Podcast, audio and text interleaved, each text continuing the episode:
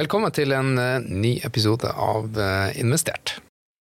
Vi skal fortsette et tema vi, eh, vi starta på sist, som går på generasjonsskifte.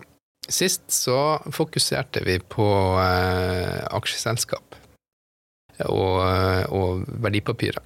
Eh, nå skal vi over på et tema som har skapt mange frustrasjon for veldig mange familier.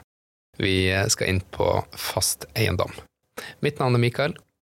Og mitt navn er Heidi. Og gjesten i dag er advokat Tore Fritsch, min kollega i, hos Sødeberg og Partners Advokatene. Velkommen, Tore. Takk skal du ha. Ja, hyggelig å ha deg tilbake i studio.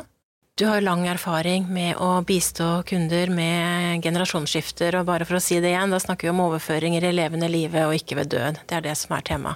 Og det vanskeligste tror jeg for veldig mange, som mange syns er veldig følsomt og man grubler mye på, er disse familiehyttene. Hytter som har gått i kanskje arv i generasjoner, som man ønsker at skal forbli i familien, og ha flere barn.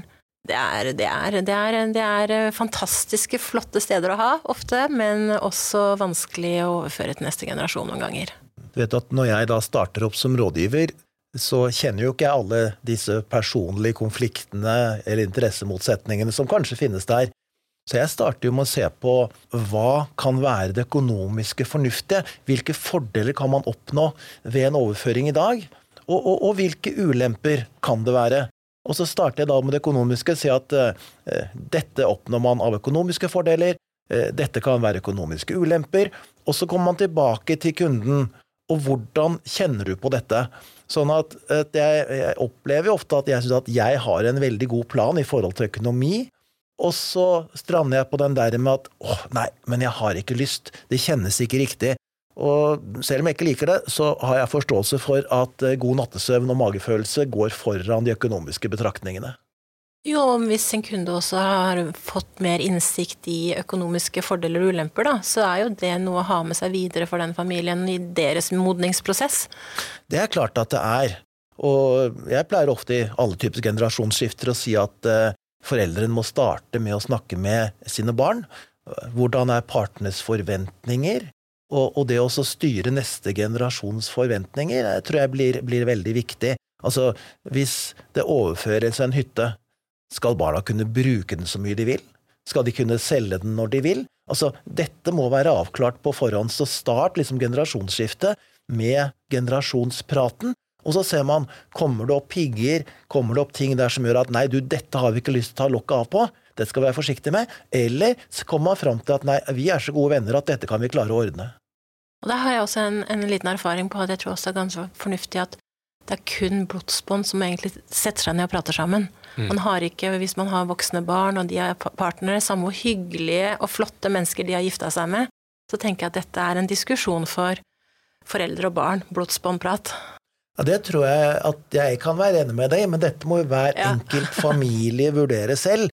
Og, og, og, så er det ofte barn som sier at nei, men jeg må ha min ektefelle med i den diskusjonen, og, og andre er helt enig med deg. Så altså, der er jo folk Nei, men, så forskjellige. Ja, men det er enig, men at, at man har et bevisst valg til man, hvilken av de alternativene man tar, er vel kanskje ja, en oppsummering, da. Ja, og så er det den potensielle giveren som må gå inn og styre. Mm. Mm. Og, og, bare sånn rent praktisk uh, Den erfaringen som dere har med dette, uh, å ha den type samtaler. For jeg tror mange um, har ja, tenker at det er litt utfordrende å i det hele tatt starte den samtalen. Hvordan, hvordan starta du en sånn samtale? Har dere god erfaring med at, at dere fasiliterer en, en, sånn prat? Spørsmål rundt dette er ting som ofte kan komme opp når du treffer en kunde. Det kan være at møtet kommer kanskje fordi at barna sier at bør ikke dette overføres snart, eller at foreldrene tenker at det er jo den der arveavgiften. Altså klart, Arveavgiften har vært en veldig driver i forhold til overføring av særlig fritidsboliger de, de siste årene. Mm. Altså, hva, hva, gjør vi? Vi har et stort, verdifullt sted. Vi vil helst unngå at det blir arveavgift på den. Og, og, og da sier jeg at det syns jeg er et veldig godt økonomisk utgangspunkt. Vi vet at det ikke er arveavgift i dag, vi vet ikke hvordan det kommer til å være i fremtiden, men jeg vet at den kan ikke bli lavere enn null. Det er vi helt sikre på. Så det er mitt spørsmål hvorfor vente? Og så kan det være at jeg da får nei, men det er de og de personlige forhold, ok, da skjønner jeg, vi venter. Og så sier de at nei, men vi, vi ser ikke noe grunn til å vente, Hvorfor skal vi ikke overføre denne? Hva vil være konsekvensen av en overføring i dag? Og jeg bare skyter inn litt også, flere av de samtalene jeg har hatt òg, så er det jo det vanskelige er jo hvis foreldrene ser for seg at jeg tror det er vanskelig for barna mine å eie sammen. Ja. Det, det, det, er da det blir problemet, for hvis man ikke er i det sporet at det her kommer til å gå fint uansett, så, så er det ikke noe vanskelig. Da er det mer timingen. Men, men hvis man er der, så, så, så, har ofte jeg litt sånn at jeg kan fortelle om egen erfaring òg, hvor jeg eier et sted sammen med mine søsken, og det går veldig, veldig fint. Og vi er en stor familie ellers også, som eier flere hytter sammen. Eh, og da kan jeg fortelle litt om egne erfaringer, og da mm. kommer det i hvert fall noen drypp inn eh, hvor, de får forståelse om at eh, kanskje hvis vi har god kommunikasjon, vi har godt avtaleverk, vi sikrer riktig gavebrev, det kan vi komme litt mer inn på etter hvert, da, men et godt rammeverk da, og gode samtaler gjør at kanskje foreldrene kan se for seg at ja, kanskje vi kan Kanskje dette kan gå allikevel. Mm. Når det kommer til familier, så er de veldig forskjellige. Da er du heldig, Heidi, med ja, at ting fungerer ja. i, i, din familie. Og det fungerer i veldig mange andre familier også. Men noen foreldre overvurderer sine barn. De tror de kan samarbeide. Og andre undervurderer dem. De tror ikke de kan samarbeide. Og hva som er fasiten, noen ganger så viser det seg altfor sent. Og da kommer man inn på dette med å sikre seg litt. Hvordan gjør man overføringen? Og jeg har sett nokså stygge tilfeller hvor man bare har gitt bort, altså gitt bort av fritidsboligen til neste generasjon. Og så har det gått bare et par måneder, og så er det en av partene som krever seg tvangsutløst, og så har du ødelagt familiebåndene omtrent for alltid. Den må vi stoppe med, den muligheten til å tvangsoppløse et sameie den er, den er, litt skummel. Den er litt skummel, og, og, og, derfor er det jo slik at i de tilfeller hvor ja, både du og jeg overfører fritidsbolig til neste generasjon, så anbefaler vi jo sterkt at det lages et gavebrev hvor det er tatt inn betingelser for denne gaven. Mm. Altså, dette er jo en hytte som har blitt værende hos foreldrene livet ut, hvis man ikke skulle liksom tilpasse økonomisk. Ergo så er det naturlig at foreldrene skal kunne bruke den omtrent som før. Det ordner vi ved at vi legger inn bruksrett til de tidligere eierne. Det er en del av den skriftlige avtalen.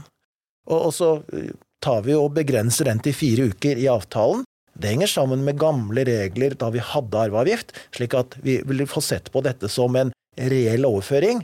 For hvis man gir bort noe og skal bruke alt som før, så har man jo egentlig ikke gitt noe.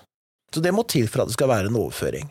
Så kan det være lurt å så legge inn et forbud mot salg, eller man kan ikke foreta salg uten foreldrenes samtykke, den type ting.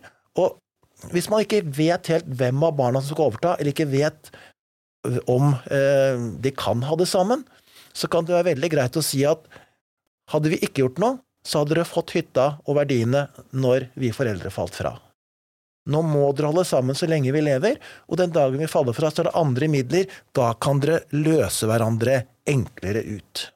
Så, så salgsforbud en periode, det syns jeg blir eh, veldig, veldig fornuftig. Også forkjøpsrett for de andre, men det har man etter loven ja, også. Fordi hvis jeg snur det om, da, for hvis man ikke regulerer dette her med måten man kan løse det opp på, så er man tilbake til sameieloven, som gir eh, enhver sameie rett til å oppløse et sameie. Ja, og det er ikke noen god nei, måte å avslutte Det er en dårlig avslutning ja, ja, uansett. Det, det, det, ender aldri bra. Så, så, så den, må man den, er, den, må man ha med i enten et gavebrev eller en samarbeidsavtale. For å sikre kontroll på hvordan man kan Man skal ikke eie alltid ting for evig tid sammen, men da skal man ha kontroll på hvordan vi går fra hverandre på dette her. Og da kan det legges inn føringer for hvordan skal man kjøpe hverandre mm. ut. Uh, og, og, det at man Det er ikke alle som gjør det, kanskje de færreste, men det at man har en sameieravtale altså Det er så lett at foreldrene setter opp en sameieravtale som skal gjelde for barna. Mye vanskeligere om tre eller fire mm. barn skal bli enige om en sameieravtale etterpå. Så det å lage den på forhånd er også en bit. Og når vi overfører verdier til barn, ja, har vi gavebrev, så putter vi inn at dette skal være mottakers særeie. Da begynner vi å få rammen av en avtale som du har på plass. Helt enig. Så en sånn eh, sameieravtale, den inngås med alle de, de, elementene som du var inne på, og i tillegg da et, eh, et gavebrev. Eh, er, det, er, det, vanlig at uh, f.eks. For foreldrene er med som eier i et sameie? Det hender at det er de foreldrene som sier at nå overfører vi 80 av eiendom til dere. Men det vanligste er nok at hele fritidsboligen overføres neste generasjon. Men du ser alle, alle mellomtyper. Ja. Ikke sant? Hensikten er jo å være sikre på at det ikke skal bli arveavgift. Og Derfor velger man å overføre mest mulig. Samtidig som foreldrene skal kunne føle at de skal kunne bruke det i stor grad selv. Ja. Men disse fire ukene som du nevnte, er det slik at du da, hvis du f.eks. bare overfører 80 eh, da kan ha åtte uker, eller eh, Altså, er de to elementene, henger de sammen? Ikke nødvendigvis denne fireukersregelen, som sagt. Det var det som skulle til for at man hadde Altså Hadde man mer enn fire ukers bruksrett, så hadde man beholdt størstedelen av bruksretten. Ja. Den gangen vi hadde arveavgift, så sa man at fritidsbolig brukes per definisjon åtte uker i året. Ja. Og har du da betinget deg mer enn halvparten, vel, da har du på en måte ikke gitt fra deg gjenstanden. Dette er gamle regler, men vi forholder oss til dem fortsatt. For vi tror at får vi en arveavgift, så kan vi liksom ikke forestille oss den, hvordan den kan bli. Og så tror vi at den kommer til å være litt lik den vi hadde. Ja. Og så var du inne på det med gavebrev, og um, at man også anbefaler eh, særlige.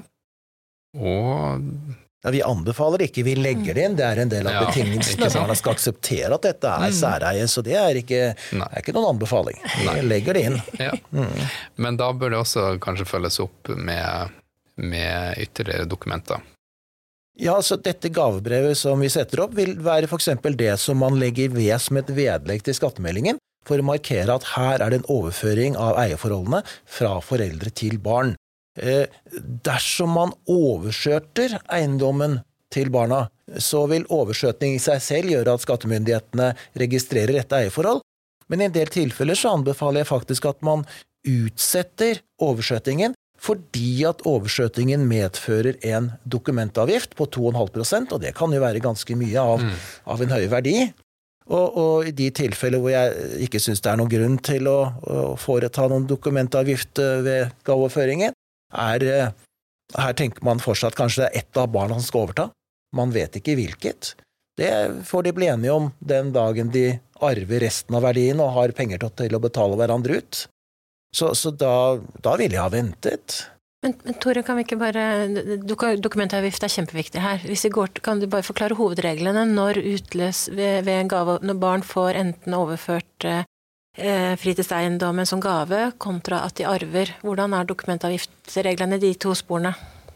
Når det er slik at man arver en eiendom, så er man fritatt for dokumentavgift på sin ideelle andel. Altså, er det tre barn som arver, og de skal dele eiendommen, så mottar de hver sin tredjedel uten dokumentavgift. Er det ett av barna som skal overta hele eiendommen, uavhengig om det er noe man blir enige om, eller om det fremgår av testament, ja, så er man kun fritatt for en tredjedel. Så som alltid, det lønner seg veldig å være enarving. Hvis man har overført eiendommen i levende live, så, så gjelder ikke denne særregelen for at den er fritatt for dokumentavgift. Så jeg vil si at den, den ekstra kostnaden man får Altså, man sikrer seg mot at det ikke blir arveavgift ved å overføre i dag, men man kan få den ekstra kostnaden ved at det blir noe mer dokumentavgift enn det ellers ville ha blitt. Det er eh, skal vi si, ulempen. Mm, fordi man tar, beregner dokumentavgift på virkelig verdi, og da kan eiendommen ha steget i verdi mellom gavetidspunktet og dødsfallstidspunktet. Det kan du si at det kan være en årsak til at det blir høyere dokumentavgift. Men jeg vil heller se på alternativet. Det kunne jo være å vente. Man, man sitter og venter og venter med overføringen, så dør mor og far. Da slipper man dokumentavgiften. Men ved å overføre tidligere, så er altså dokumentavgiften en forsikringspremie i forhold til at man da iallfall slipper arveavgift.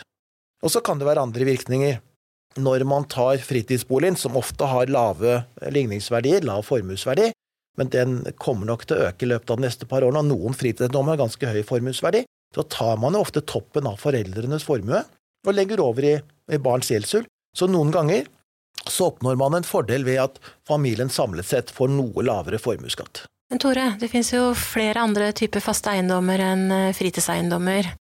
Hva hvis vi flytter fokus til egen bolig? Ja, jeg får en del spørsmål om, eh, fra både foreldre og barn som er redde for arveavgift og sier at uh, kunne vi ikke overføre foreldrenes bolig til neste generasjon, så er vi sikre på at de ikke får arveavgift. Uh, dette er normalt noe som jeg fraråder. Altså, skal barnet flytte inn i boligen, så, så kan det være greit nok, men det å overføre foreldrenes bolig, og, og, og, så skal foreldrene fortsette å bo der, så igjen så ser jeg på at ok, vi kan spare en mulig arveavgift, hva er sjansen for den? Eh, det kan ikke jeg sette noe tall på, jeg vet bare at det kan nok ta en del år før den kommer, men vi hører jo snakk om den hele tiden. Og så kommer vi til forsikringspremien, og, og her er ikke forsikringspremien kun det forhold til dokumentavgift du var inne på, men ved å flytte over en egen bolig fra foreldre til barn, så er jo denne boligen primærbolig for foreldre. Det betyr at de skal ta med som formue 25% av en såkalt markedsverdi. Og hvis den går over til barna, så er det sekundærbolig for barna, og, og da skal den medtas med 100% av en slik markedsverdi. Altså, en bolig som da har en verdi på 10 millioner kroner, for foreldrene har den en formuesverdi på 2,5, for barna 10 millioner. 7,5 millioner kroner i forskjell. Er barna i formuesposisjon, så er dette økt formuesskatt med 75 000 hvert eneste år. Og det, det er en dyr forsikringspremie i forhold til arveavgift. Og så er det en ting til. Sånn som regelen er i dag, så er det jo slik at når man arver en bolig etter dødsfall, så får barna en ny inngangsverdi. Virkelig verdi på det tidspunktet foreldrene faller fra. Altså, alt av tidligere verdiøkning er lagt inn i foreldrens inngangsverdi. Har du overført den til barna fem år før, ja, så er det fem års verdiøkning som man ikke får noe oppjustering for, og som vil være grunnlag for en skattepliktig gevinst for barna. Så du, altså, du har, kan få økt gevinstbeskatning, du får økt formuesskatt, og, og, og, da er forsikringspremien i min verden for stor. Det er klart at Hadde jeg hatt krystallkulen der og visst at om to år har vi arveavgift, og foreldrene dør om tre år, ja, da kunne vi sikkert ha overført men den krystallkulen tror jeg ingen har. Eh, I forhold til uh, selskaper så, så, rigges jo ofte avtaleverket med den forutsetning at hvis arveavgiften gjeninnføres, så, så, er vi klar. Hvor lang tid tar det hvis du, hvis du får signaler i statsbudsjettet i oktober om at arveavgiften skal gjeninnføres da fra januar påfølgende år? Hvor lang tid tar det egentlig da eh, Nå tenker jeg ikke alle familiære diskusjoner, men mer teknisk eh, da å få overført boligen til, eh, til barn? Det kan gå fryktelig fort. Altså hadde vi fått innført arveavgift i et statsskattevedtak som kommer i starten av oktober med virkning for neste år, så hadde jo vi advokater jobbet vettet av oss, for da skulle det lages så mye gavebrev før årsskiftet. Mm. Eh, eh, sånn at eh, Det er vel kanskje ikke sånn jeg tror det kommer til å skje, men, men det er jo noen som er redde, og de kan altså en overføring, sette opp et gavebrev. Det er jo avtalen som er viktig. Det kan være et gavebrev, en ren gave, det kan være en avtale om et gavesalg. Men det å sette opp en avtale kan gå veldig fort. Mm. Så det er faktisk en mulighet. Absolutt. Eh, dersom, dersom det skulle være rekkefølgen i innføringen. Hvis vi får et klart forvarsel, men der mm. vil jeg tro at myndighetene, om de skal gjennomføre noe sånt nå, er, er litt fornuftig for å innføre en arveavgift, og så tar det veldig mange år før den i det hele tatt gir noen inntekter. Altså, dette er jo en av grunnene til at det er så vanskelig å, å gjeninnføre dette igjen. Mm. Selv om det er land som har gjeninnført arveavgift. Men for å oppsummere, den klare hovedregelen er at egen bolig ikke bør overføres til barn i levende livet. Det er min oppfatning, mm. siden jeg ikke har den krystallkulen for når arveavgiften mm. kommer, eller hvis den kommer, og når foreldrene kommer til å dø. Tredje kategorien eiendom, da, det er jo sekundærboligene, eller kall det utleieleilighetene til mor og far. Ja. Hva tenker du om de? Nei, eh, de elsker jeg. Eh, det er rett og slett for det er ingenting vi kan finne på så mye morsomt rundt rent skattemessig. Så, så de er jeg av rent økonomiske årsaker veldig for en overføring av. Eh, her vil det jo være slik at vi ikke får en økt formuesverdi. De har full formuesverdi både hos foreldre og, og barn. Nøytralt. Ja, det er nøytralt.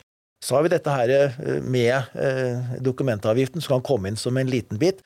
Men de aller beste tilfellene som jeg liksom sånn eh, virkelig skal det nyter i min skattehverdag, det er jo eh, når foreldrene sitter med enkelte utleiebolig og, og, har barn som begynner å nærme seg tidspunktet hvor de skal ut og etablere seg, og disse er villige til å støtte barna litt.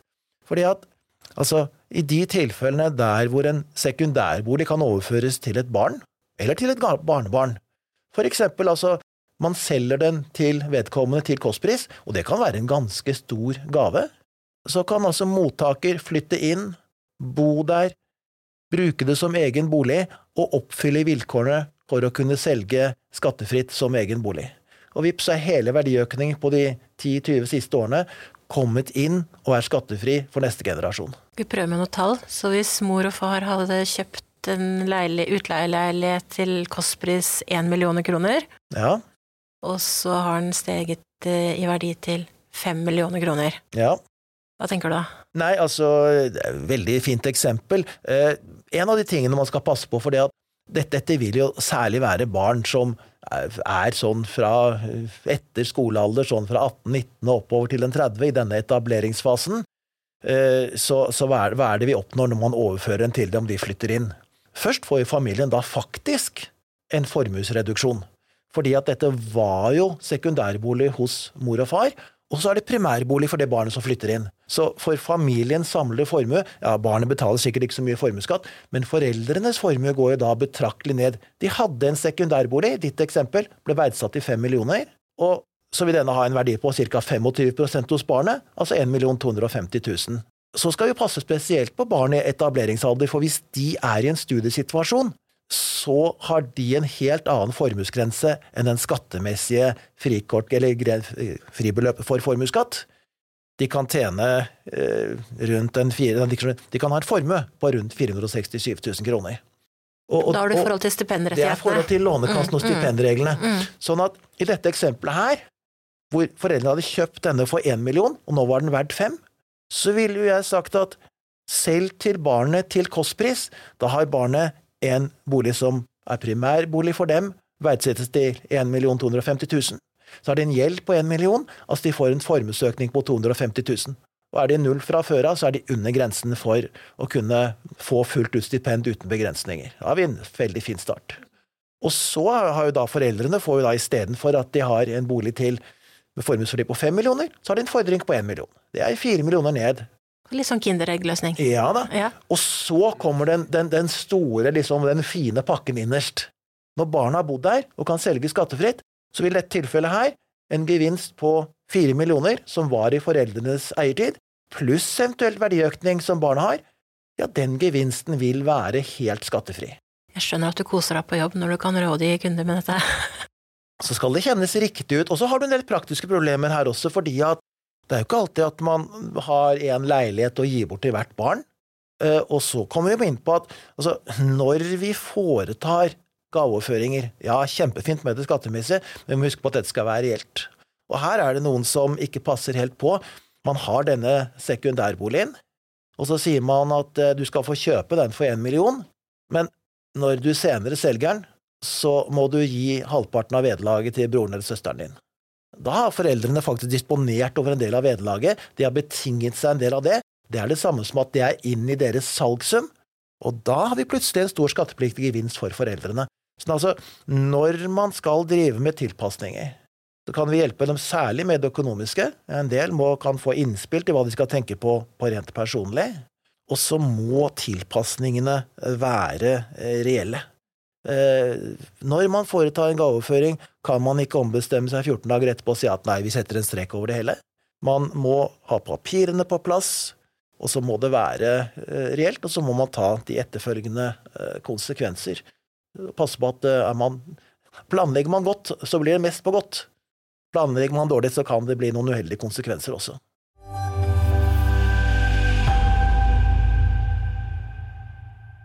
Ja, da, hvis vi skulle forsøke oss på en, på en oppsummering, eh, var det mye, mye, god informasjon nå. Men på fritidsbolig så, som hovedregel så planlegg det godt, og det kan være eh, veldig hensiktsmessig å planlegge en, eh, en overføring til barn.